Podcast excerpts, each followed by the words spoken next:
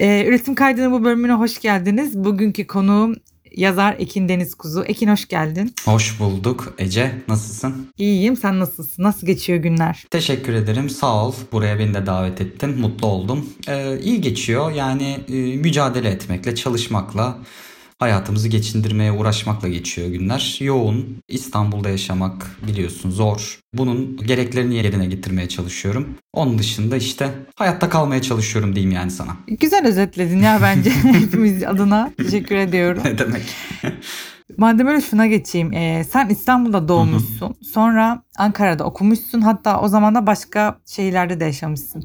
O yüzden şimdi böyle mücadele demişken şunu sormadan edemeyeceğim. Yani onunla başlamak istiyorum. Hı hı. Şehirle kurduğun bağ nasıl senin? Yani hangi şehre daha aidi, aidiyet hissediyorsun ve böyle bu kadar şehir görüp farklı farklı şeylerde yaşamış biri olarak zorlandığın hiç oluyor mu aidiyet hissiyle ilgili? Ben biraz bunu merak Hı hı. ediyorum. Çünkü öykülerinde şehirle kurduğun bağ da biraz böyle hissediliyor.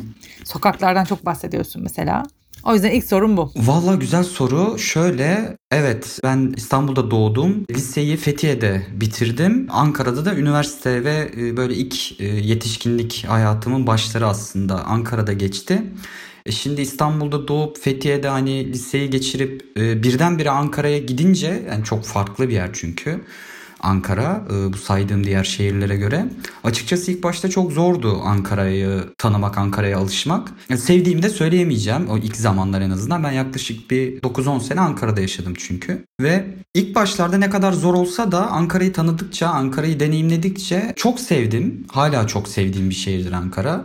Uzun süre hatta böyle işte İstanbullu arkadaşların arasında hep Ankara öven kişi hep ben oldum. Fakat Ankara'nın bana kattığı şöyle bir şey oldu aslında. Ankara'da çok farklı akar hayat İstanbul'a göre. Bir şeyler daha nettir, daha kesindir. Ee, arkadaşlıklar daha samimidir. İnsanlar hani her ne kadar böyle Ankara insanı başka şehirlerde yaşayan insanlara göre böyle soğuk ya da işte kapalı geliyor olsa da aslında öyle değildir. Hatta İstanbul bana birazcık öyle geliyor. Daha kapalı, daha soğuk. Herkes çünkü işinde, gücünde. İstanbul'un apayrı bir hızı var.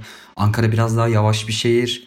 E, dolayısıyla ben Ankara'da şeyi öğrendim. Yani durmayı, durup bakabilmeyi, işte çevremde olup bitenleri görebilmeyi, anlayabilmeyi, hissetmeyi e, daha çok Ankara'da öğrendim. E, Bu tabii yaş gelişimiyle de alakalı bir şey. Sadece Ankara'ya da bağlayamam bunu ama en azından böyle seçenekler vardı Ankara'da. Yani bir anlığına hayatını durdurabiliyorsun. Bir çevrene bakabiliyorsun. Arkadaşlıklarına daha fazla özen gösterebiliyorsun.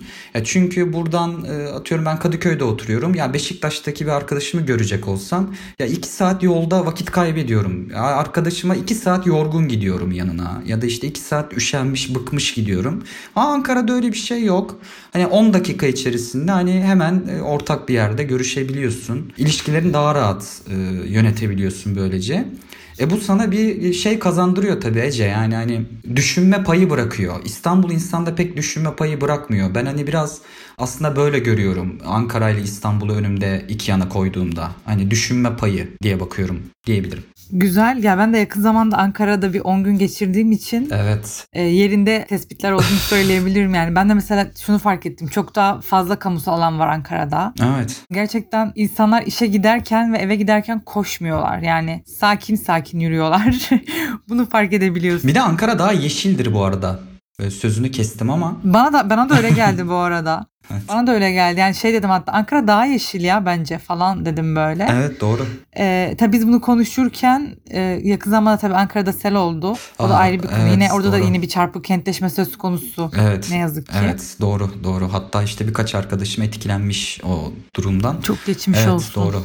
Kötü. Çarpık kentleşme sadece çünkü şeyde değil yani hani İstanbul'da ya da Türkiye'de işte me- mega kent İstanbul her şey İstanbul. Hayır değil yani çarpık kentleşme doğusundan batısına, güneyinden kuzeyine her yerde. Yani hani Türkiye'de ne yazık ki. Sen sanat tarihi okumuşsun yani lisans hayatında. ya bu bölümü seçmen nasıl oldu? Seni nasıl besledi bugünkü yazarlık eğitimi için biraz merak ettim ya. Hani böyle sanat tarihi aslında bize lise yıllarımızdayken sen de benimle aynı yaştasın Evet. çünkü. Hani söylenen ve bilinen bir bölüm değildi bence. Yani ben Doğru. açıkçası lisans eğitimine başladığımda öğrendim yani ve aa dedim bu kadar güzel bir bölüm var. Nasıl haberim olmamış dedim. Ya aşırı merak ettim yani. Sen kendi hikayeni bir anlatırsan bize çok mutlu olurum. Tabii mutlulukla. Yani şöyle bir önceki soruda demiştim yani ben aslında e, liseyi Fethiye'de geçirdim. E, geri İstanbul'a dönmek istiyordum ve yani açıkçası ben biraz da tembel bir öğrenciydim. Dolayısıyla üniversite sınavından yüksek bir puan alamadım. Ve İstanbul'da e, hangi üniversiteler, hangi bölümler tutar diye düşünüyorduk o ailemle beraber. Tabii o sıralarda böyle yeni yeni aslında yazarlık la böyle haşır neşir olmaya başlıyorum. İşte yazılar yazıyorum, şiirler yazıyorum falan. Ailem de hani bunu değerlendirmemi de istiyor. Baktılar e, biraz da anlarlar edebiyattan, iyi yazıdan ondan sonra ya da kötü yazıdan. Ve bunun üstüne gitmemi de aslında çok istediler. E, dolayısıyla buna destek olacak e, yazarlık hayatıma, ilerideki yazarlık hayatıma bir perspektif açacak bölüm okumamı önerdiler. Bu da sanat tarihiydi. Hem de puanımla da hani olabilecek en iyi alternatifti. Ve bunun İstanbul'da olmasını istiyordum açıkçası. Fakat olmadı. Ankara'da oldu. Ben dil tarih sanat tarihine girdim. Aslında mezun değilim ben. 3-4 ders kaldı ve bıraktım. O da biraz kendimi aslında şöyle söyleyebilirim. Sanat tarihine ilk girdiğimde hiç unutmuyorum. Teyzem bana Gombrich'in Sanatın Öyküsü kitabının yeni baskısını hediye etmişti. Şimdi kitapçılarda böyle 900 lira falan galiba ama o zamanlar uygun da bir fiyattaydı. Ondan sonra ve ben onu böyle birkaç haftada yemiş yutmuştum. Onun üstüne sanatın anlamı şimdi yazarını unuttum. Öyle bir kitap daha hediye etti. Hemen onu da okudum. Ve hani e, çok başka bir şey beklemeye başladım. Yani heyecanlanmaya başladım sanat tarihi okuyacak olmaktan. Gördüğüm öyle değildi. Yani tabii ki değerli bir üniversite. Dil Tarih Coğrafya Fakültesi. Değerli hocaların olduğu bir üniversite. Ne yazık ki yani birçok hoca oradan e, atıldı uzaklaştırıldı ama e, en azından benim zamanımda çok değerli hocalar hocaların da olduğu hala öyle elbette. Fakat sanat tarihinde ben istediğim, hayal ettiğim şeyi göremedim açıkçası. Bu hem siyasi, politika anlamında hem işte daha kişisel anlamda yani hani çeperi çok geniş bir hayal kırıklığı oldu benim için. Ve bir noktadan sonra devam ettiremeyeceğimi fark ettim. Çok sevmiş olmama rağmen halbuki işte ilk sene, ikinci senem çok iyiydi. Derslerim işte süper gidiyordu. İşte makaleler yazmaya çalışıyordum ama e, belli bir noktadan sonra çok ezbere dayalı, her şeyin slide gösterilerinden ibaret olduğu bir sanat tarihi eğitimi aldığımı fark ettim ve bu benim hayal ettiğim şey değildi. Ben de ne yazık ki bir nokta en azından noktalı virgül ya da koymak durumunda kaldım ama hakikaten senin dediğin gibi çok bilinmiyordu bizim o ilk üniversiteye giriş zamanlarımızda sanat tarihi mi o ne yani hani ne alaka siz ne oluyorsunuz sanat tarihinden mezun olacak falan. Hala belki öyle ama e, şimdi şimdi şeyi çok görüyorum. Hatta sen de e, bir programında galiba bahsetmiştin işte gizli gizli sanat tarihi derslerine gidiyordum üniversitede hani diye. Şimdi çevremde böyle ne okuyorsun? Sanat tarihi. Yani çok, çok fazla olmaya başladı böyle genç arkadaşlar. Bu güzel bir şey aslında. Ya çok katılıyorum ve çok önemli bence. Ya zaten bence sanat tarihi dersini Hı-hı. bütün lisans hayatı boyunca hatta bütün bölümlere Hı-hı. seçmeli ders, zorunlu ders olarak ya böyle Türk dili ve hani Kocuklar Atatürk İlki İnkılabı dersi gibi bir ders olması gerektiğini düşünüyorum düşünüyorum ben hala da. Kesinlikle. Hayal kırıklıkları da ayrı bir şey. Benim de zaten e, eski dinleyicilerimiz her bölümde yeri geldiğinde söylüyorum benim de lisans hayatım hayal kırıklıklarıyla dolu. Ya bu ben galiba bizim kuşakta şey olan bir şey. Hani e, üniversite eğitimini bize büyüklerin de böyle çok e, anlattığı bir şey vardı bizim duyduğumuz onlardan. Yani e, üniversitede şöyle olacak, böyle olacak, şöyle kendini besleyebileceksin gibi şeyler çok fazla duyuyorduk biz. Doğru. Ve bunlar olmayınca bence biz biraz böyle o büyük kuşaktan duyduğumuz şeyi de görememenin hayal kırıklığını çok fazla yaşadık diye çok düşünüyorum. Çok doğru, çok haklısın. Hatta burada pardon e, sözünü keseyim. Şöyle bir şey hatırlıyorum. İlk işte biz sanat tarihi derslerimize girdiğimizde e, bir hocamız şimdi tabii geçmiş zamanın hafızam belki yanıltıyordur beni ama ve Türkiye'de lisede sanat tarihi okutulma oranının hani tüm Türkiye'de böyle 10-15 tane lisede olduğunu söylemişti. Böyle çok acayip bir e, rakam. Yani hani ben diyeyim 10 siz deyin 20 ama hani koca Türkiye'ye baktığında liseden sanat tarihi eğitimi alarak e, bir sanat tarihi e, lisans programına katılan e, çok çok az insan olduğunu söylemişti. Bu beni mesela çok şaşırtmıştı. Ben de gerçi lisede sanat tarihi dersi almamıştım. Ve şeyi bile bilmiyordum. Lisede sanat tarihi dersi verildiğini bile bilmiyordum hoca söyleyene kadar. Halbuki zaten 5 tane 6 tane lisede anca varmış yani. yani çok garipti bu. Katılıyorum. Bende de şey olmuştu. Üniversite başında bunu söylediğinde birkaç arkadaşım lisede biz bu dersi aldık falan. Ben nasıl yani bu lisede var mıydı? Hani hatta bir arkadaşım lise sanat tarihi kitabını getirmişti bana hani. Aa ne enteresan. Böyle bayağı şaş yani gerçekten o şaşkınım hala da aklımda aynen öyle. Peki o zaman bu kadar lise demişken ya, yazma deneyimin o yıllardan başlıyor muydu lisedeyken? Yani şu an hayatında nerede kullanılıyor? O yıllarda neredeydi? Şöyle ben hani aynı yaşta olduğumuzu söyledin işte. Ben de 94'lüyüm 28 yaşındayım. Ee, ben yanılmıyorsam böyle bir 15 yaşında falan e, başladım aslında yazmaya. Nispeten erken bir yaş. Bunu aslında şöyle başlayarak bahsedeyim. Üreten insanların ürettiği e, modeller neyse işte ressam e, resim edebiyat ya da işte heykel başka bir şey ne zaman başladım bunu yapmaya diye sorduklarında küçük yaşta yapmaya başladım cevabını mutlulukla e, kabul ediyor soran kişi. Fakat aslında bu bir şey erken başlamak o kadar da iyi bir şey değil. Büyük bir handikap yaratıyor çünkü. E sen şimdi 15-16 yaşında yazmaya başlıyorsun. Yazdığın her şeyi çok beğeniyorsun. Ve hani gözün gelişmemiş, edebiyat zevkin gelişmemiş. Daha yeni yeni bazı şeyleri keşfediyorsun. E dolayısıyla ne oluyor? Bir yerlere göndermek istiyorsun, yayınlanmak istiyorsun. E bir yandan internet seni sürekli bunu itiyor. İşte blogspot açabiliyorsun, Tumblr açabiliyorsun, kendini her yerde gösterebiliyorsun. E şimdi dolayısıyla berbat şeyler de ortaya dökebiliyorsun o yaşların hani verdiği heyecanla. Halbuki bu işte bir handikapta beslenmeye pek vakit ya da akıl ayıramadığın için o yaşlarda. Ben bunu her zaman şey olarak söylüyorum. Yani 15 yaşında başladım yazmaya ama hani 22-23 yaşında aslında tam olarak bir şeylerin üretimine dahil olabildim. Buradan devam edersem şöyle yazmak aslında ilk başlangıcım yine çok komiktir. Böyle işte birkaç yazar arkadaşım da var yine e, benim gibi işte öyküler, kitaplar yazan. E, şey diyorlar işte böyle çok büyük bir ayrılık geçirmiştim. İşte aldım elime kalemi kağıdı işte oturdum ve bir şiir yazdım. Ondan sonra işte devam ettim. Böyle büyülü bir havayla anlatırlar. Benimki gayet şeydi ya ben lisede edebiyat dersinde kalacaktım yani. Dersim çok kötüydü. Hoca da şey dedi yani sınıfın genel ortalaması çok kötü. Dedi ki siz işte böyle sevdiğiniz şairlerden e, şiirler getirin okuyun sınıfta. Artı puan vereceğim sözlüğünüze ve hani geçebileceksiniz. Hele bir de kendiniz yazıp getirirseniz küçük böyle şiirler, paragraflar ben size tam artı vereceğim. Böylece hani aldığınız e, kötü yazılı notlarınızı dengeleyebilirsiniz gibi bir alan açmıştı. Emine Hoca hiç unutmuyorum. E bizim de şimdi 3-5 arkadaş derslerimiz çok kötü. Dersten geçmemiz lazım. Oturduk yazmaya başladık. Hani karalıyoruz öyle bir şeyler. İşte hocaya götürüyoruz, okuyoruz. Berbat şeyler ama hoca memnun oluyor, artı puan veriyor. Hani biz derse geçecek oluyoruz. Ya Ece ben bir sevdim yazmayı. Ee, bütün arkadaşlarım e, dersten geçince bıraktı tabii her şeyi. Yazmayı, çizmeyi. Ben bırakamadım. Bir sevdim. Hani şiir yazıyordum o dönem. Öyle başladı. Ondan sonra hatta yani sanmıyorum bunu dinler mi Emine Hoca ama hani buradan selam yollamış olayım. Öyle bir e, başlangıç oldu benim için ve hayatımın tam merkezine oturdu Ece. E, yazı yazmak. E, çünkü büyük bir inat gerekiyordu. E, büyük bir e, adanmışlık gerekiyordu. Hele hele işte eğer banka hesabında büyük paralar yoksa, ailende büyük paralar yoksa e bir an önce aslında şöyle bir hayatı da eline alman gerekiyor. E çalışman gerekiyor. Günde 9-10 saat çalışıyorsun. Halin kalmıyor, hiçbir şey kalmıyor ama yine de oturup yazmaya çalışıyorsun. E şimdi bu da e, zor bir şeydi. Doğal olarak elbette merkeze almam gerekiyordu. Merkeze aldım. E, yaklaşık işte 15-16 yaşından Emine Hoca'ya götürdüğüm ilk şiirden itibaren yazmak benim için hayatımın e, merkezi oldu. Aslında böyle. Yaz beklemediğim bir hikaye yani beklemediğim derken ya lise tamam okey ama yani böyle ödevle başlayan bir şevki hiç beklemiyordum. Evet Çok ilginç Evet. bir hikaye Evet. oldu şu an. Bir gün bunu yazacağım ben de zaten. Yani bence de enteresan.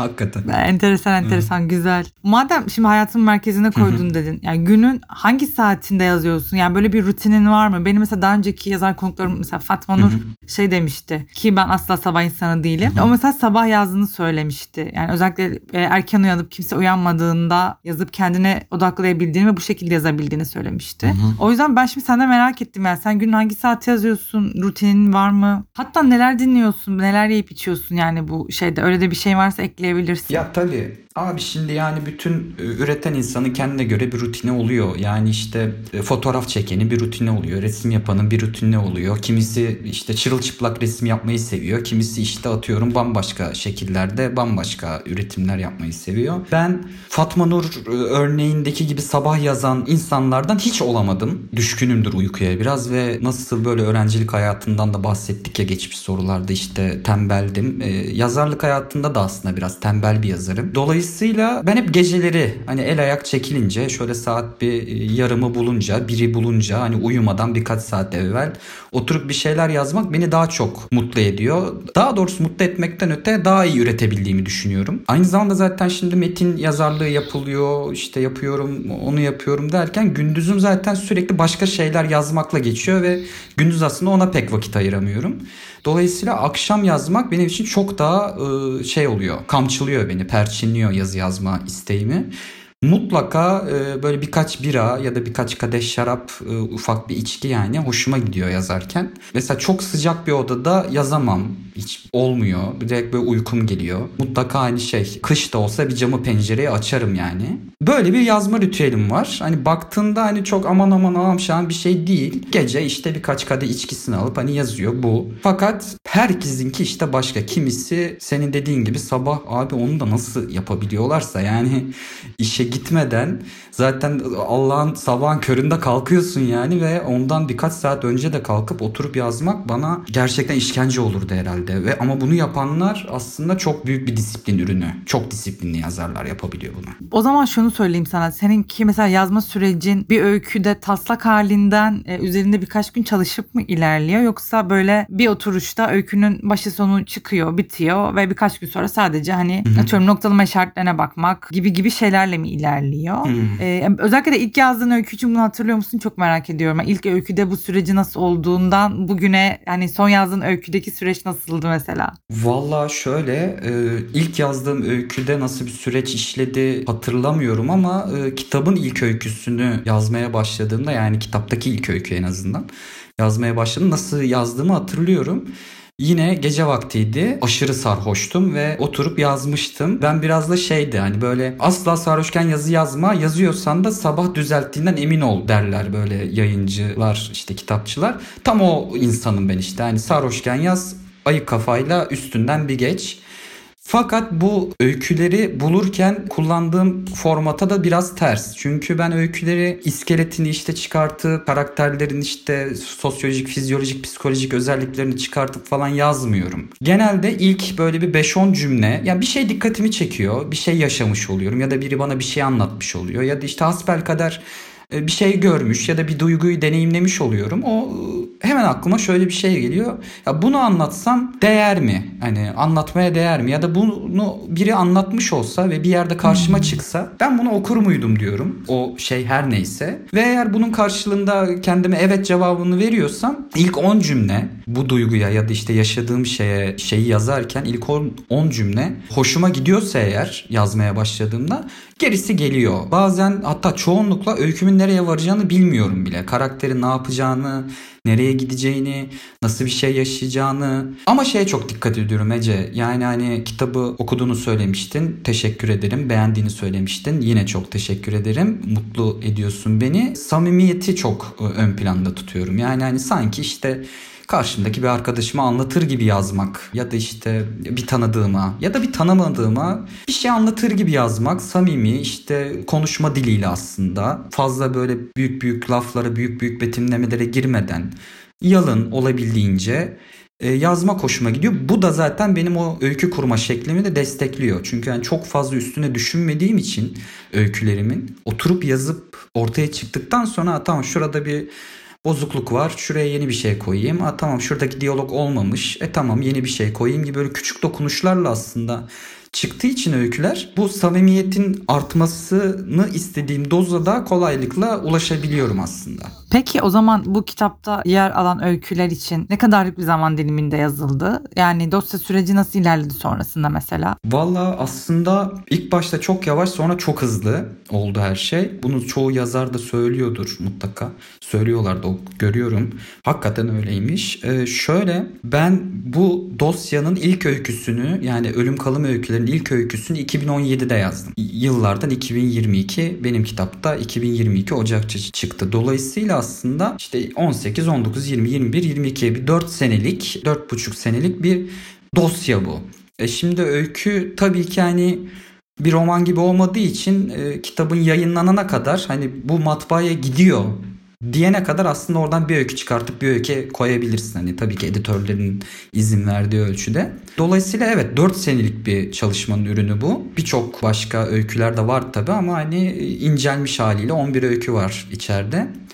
4 sene sürdü. Ben en başından beri e, hep böyle zaten lise falan üniversite dedik Notos'u takip ederdim. Notos'u çok severdim ondan sonra ve e, yine ilk yazmaya başladığım zamanlardan beri hep işte Notos'un başında Semih Bey var, Semih Gümüş.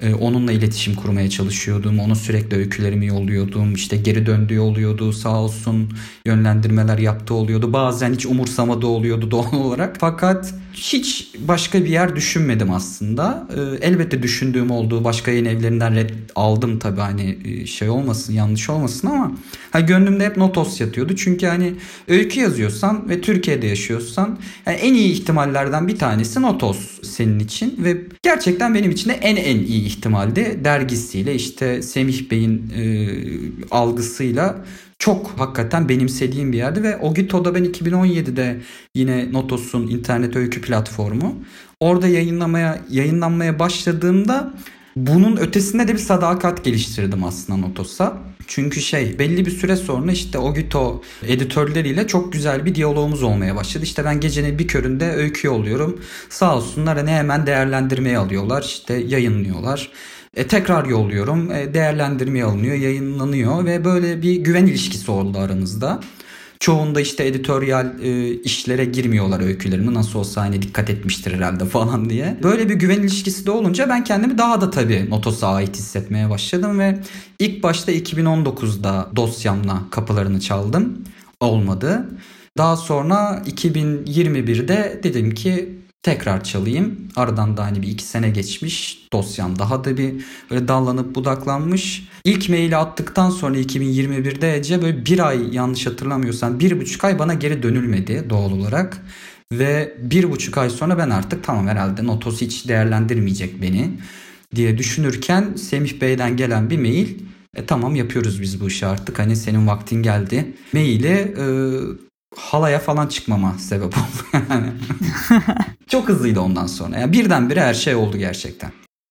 E, bekleme süreci uzun olduğu için zaten aslında hani e, adımları belliymiş. O adımlar hızlıca atılmış gibi olmuş oldu diye düşünüyorum. Evet aynen öyle oldu. E, editörüm Mehmet Zeyt'in editoryal süreci nasıl ilerledi kitapta peki? Aslında daha çok biz Semih Bey'le ve Dilek Emir e, şimdi aman soyadı yanlış olmasın ama Dilek Emir olması lazım. Onunla daha çok biz e, iletişimde kaldık. Mehmet Bey'le bir e, iletişimimiz aslında pek olmadı. Daha çok Semih Bey sağ olsun hani ilk bir dosya okumasını yaptı. Önerilerini sundu. İşte kitabın adına karar verdik beraber ondan sonra. Onun yani Semih Bey'in önerileri doğrultusunda çok ufak değişikliklerle dosya son halini aldı. İşte üstünden bir tabii redaksiyon geçti. Ve dediğim gibi aslında kitabı çıkmasına böyle bir, bir sene falan veriliyordu. Bir program doluydu Notos'un. Hani hatta demişti bana e, Semih Bey yani hani bir, bir senemiz var. Hani sen daha erken istiyorsan istersen başka yayın evleriyle görüştüreyim. E, yani bunu e, şey yapmayalım diye. Dedim ki hayır ben gerekirse 5 senede beklerim. Yani yeter ki Notos'tan olsun. Fakat o programda bir takım değişiklikler oldu. E, bir yer açıldı. Hemen ben niye oraya aldılar sağ olsunlar ve pıt diye gitti her şey ya. Editoryal süreçte çok kolay. Ve iki mailde falan Hallettik Semih Gümüş'le. Şuraları değiştirsek mi, buraları değiştirsek mi? Bitti gitti. Çok hızlıydı ya gerçekten Ece. Ay, ama dediğim gibi hani aslında daha öncesi olduğu için bu kadar e, hızlı ilerlemiş. E tabi o Gito'da yayınlananlar da vardı doğal olarak. E, zaten biliyorlardı öyküleri. E, yeni öyküler vardı. E, dolayısıyla zaten bir göz aşinalığı vardı e, Notos tarafında. E, o yüzden hani işte çok büyük bir editoryal süreç de geçirmedik. Hızlı hızlı halledebildik hepsini. Benim de o sıralar boşluklarım vardı tabii. E, her şeye çok hızlı dönebildim. Ve birdenbire kitabı elimde buldum.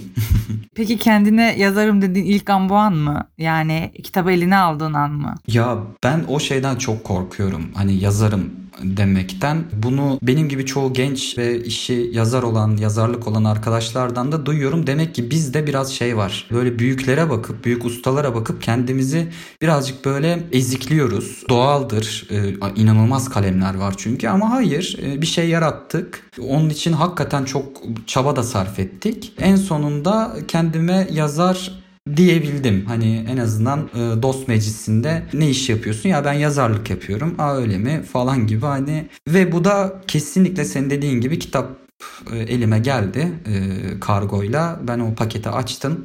Kitabımı gördüm. Dedim ki tamam yani bu burada bir şey sonunda oldu ve e, iyi ki de oldu. Çünkü çok istiyordum gerçekten. Yani şöyle bir şey ben e, kendine yazan bir e, yazar olmadım. Yani hani bazı insan vardır kendi kendine yazmayı çok sever. Günlük tutmayı çok sever. Kendi kendine öyküler yazar, şiirler yazar.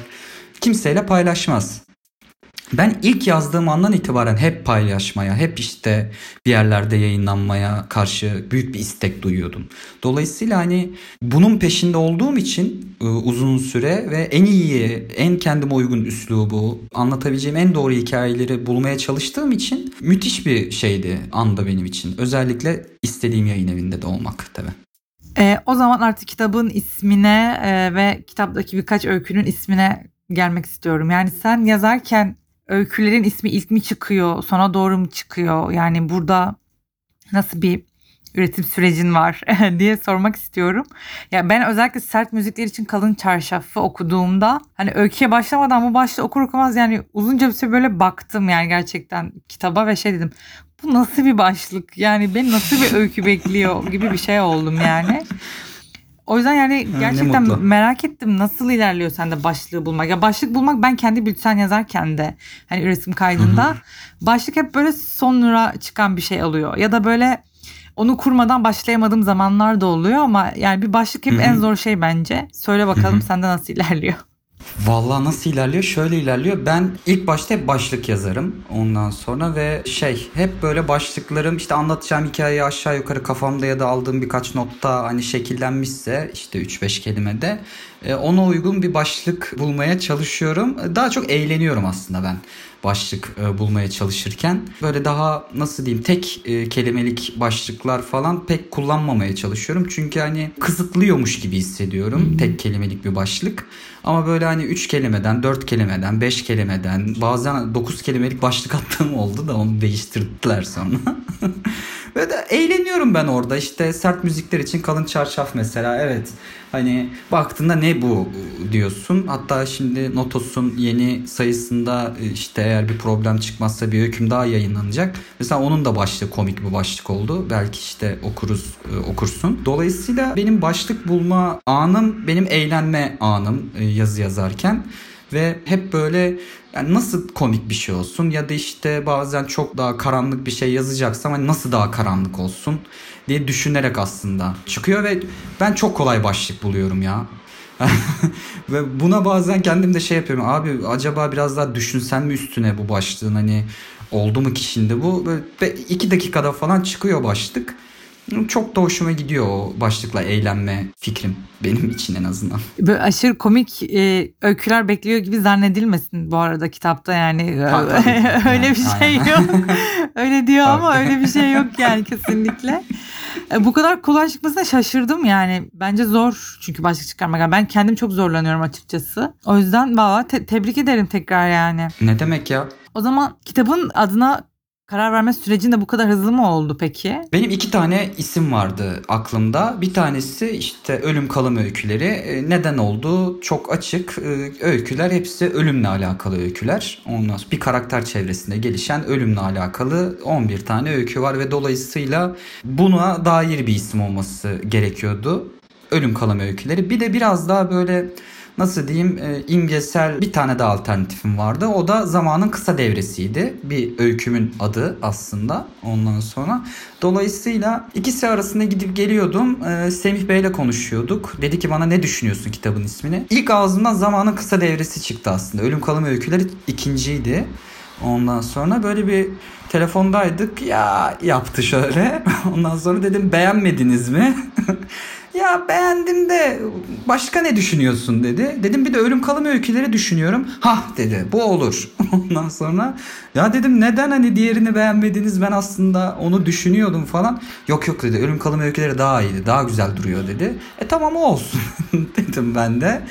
Ve ölüm kalım öyküleri oldu. Yani do- dosyayı kitabı çok açıklıyor ama zaten yani ölüm kalım öyküleri. Zaten şu çok önemli bir şey aslında. Bizim yolda konuştuğumuz insanlar, üretirken fikrine danıştığımız insanlar.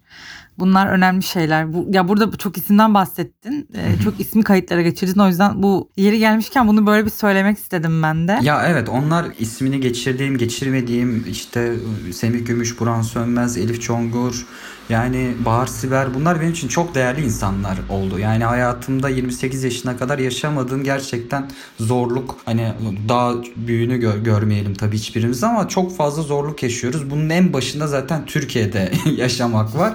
Dolayısıyla hani böyle e, iyi insanlarla tanışınca her tarafına onu sirayet etmesini istiyorsun o insanların. Her tarafından e, bir şey kapmak istiyorsun. Ağzından döküleni tutmak istiyorsun. Bir de bende şey de çok var. Bilmiyorum hani sen nasıl bakıyorsun bu işe ama usta çırak ilişkisi bende çok kuvvetlidir. Yani hani çok söz dinlerim mesela e, bir konuda çok saygı duyduğum, değer verdiğim bir insan bana bir öneri sunuyorsa hakikaten aman ne diyor falan demem yani ve çok dinlerim. Dolayısıyla senin dediğin gibi bu tarz iyi niyetli, iyicil insanlar ortaya daha iyi şeyler çıkarmamıza sebep oluyor. Senin de üretim kaydını yapma sebeplerinden bir tanesi İstanbul'da, Türkiye'de üretmenin ne kadar zor olduğu üstüne bir fikir. Bu insanlar işte o zorluğu biraz kolaylaştırıyor en azından.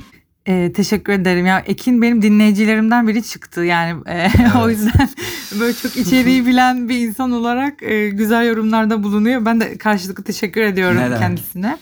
Sağ olsun. Kitap kapağı ile ilgili ya bence zor bir şey kitap kapağına yazar olarak karar vermek.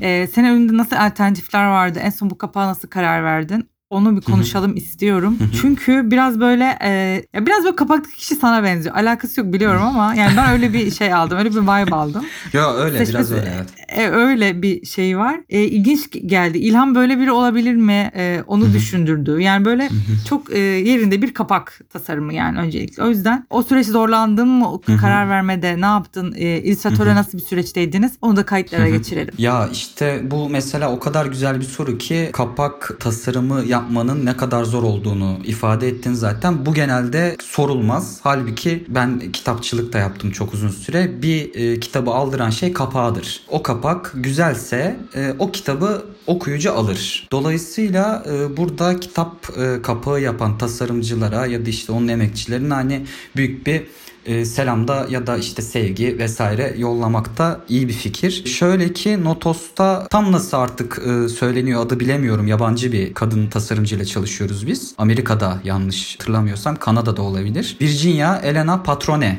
diye ben en azından telaffuz edeyim. Çok değerli bir tasarımcı gerçekten. Notos'ta son dönemde çoğu kitabın kapağı onun elinden çıkıyor. Farklı farklı işte sanırım ya, yabancı yayın evlerinde de işleri var yanlış hatırlamıyorsam. Üç tane bana örnek gönderildi. Yani bu üçünden seçmem gerektiği söylendi. Ve bu konuda da hani Notos özellikle şey yaptı. Yani biz kendimiz hazırlıyoruz kitap kapaklarını Yazarın önerilerini de pek umursamıyoruz ondan sonra. Çünkü bizim hani bir üslubumuz var. Bu çok değerli bir şey bu arada. Ve hani onun üzerinden gidiyoruz diye bir bilgi alınca o üç şeye çok da memnuniyetle değerlendirmeye başladım. İşte arkadaşlarımla bir gün şeyde otururken çok sevdiğimiz Kadıköy'de bir barda otururken geldi mail. Ondan sonra tabii büyük bir heyecanla hepsine baktık ama şu andaki kitap kapağını anında hani onayladık. Dedik yani tamam bu. Ya senin dediğin gibi böyle bir sanırım e, biraz bana da benzetmeye çalışmış. Çünkü benim fotoğrafımı da yollamışlardı tasarımcıya. Oradan bir illüstrasyon çıkarmış. Böyle her şeyle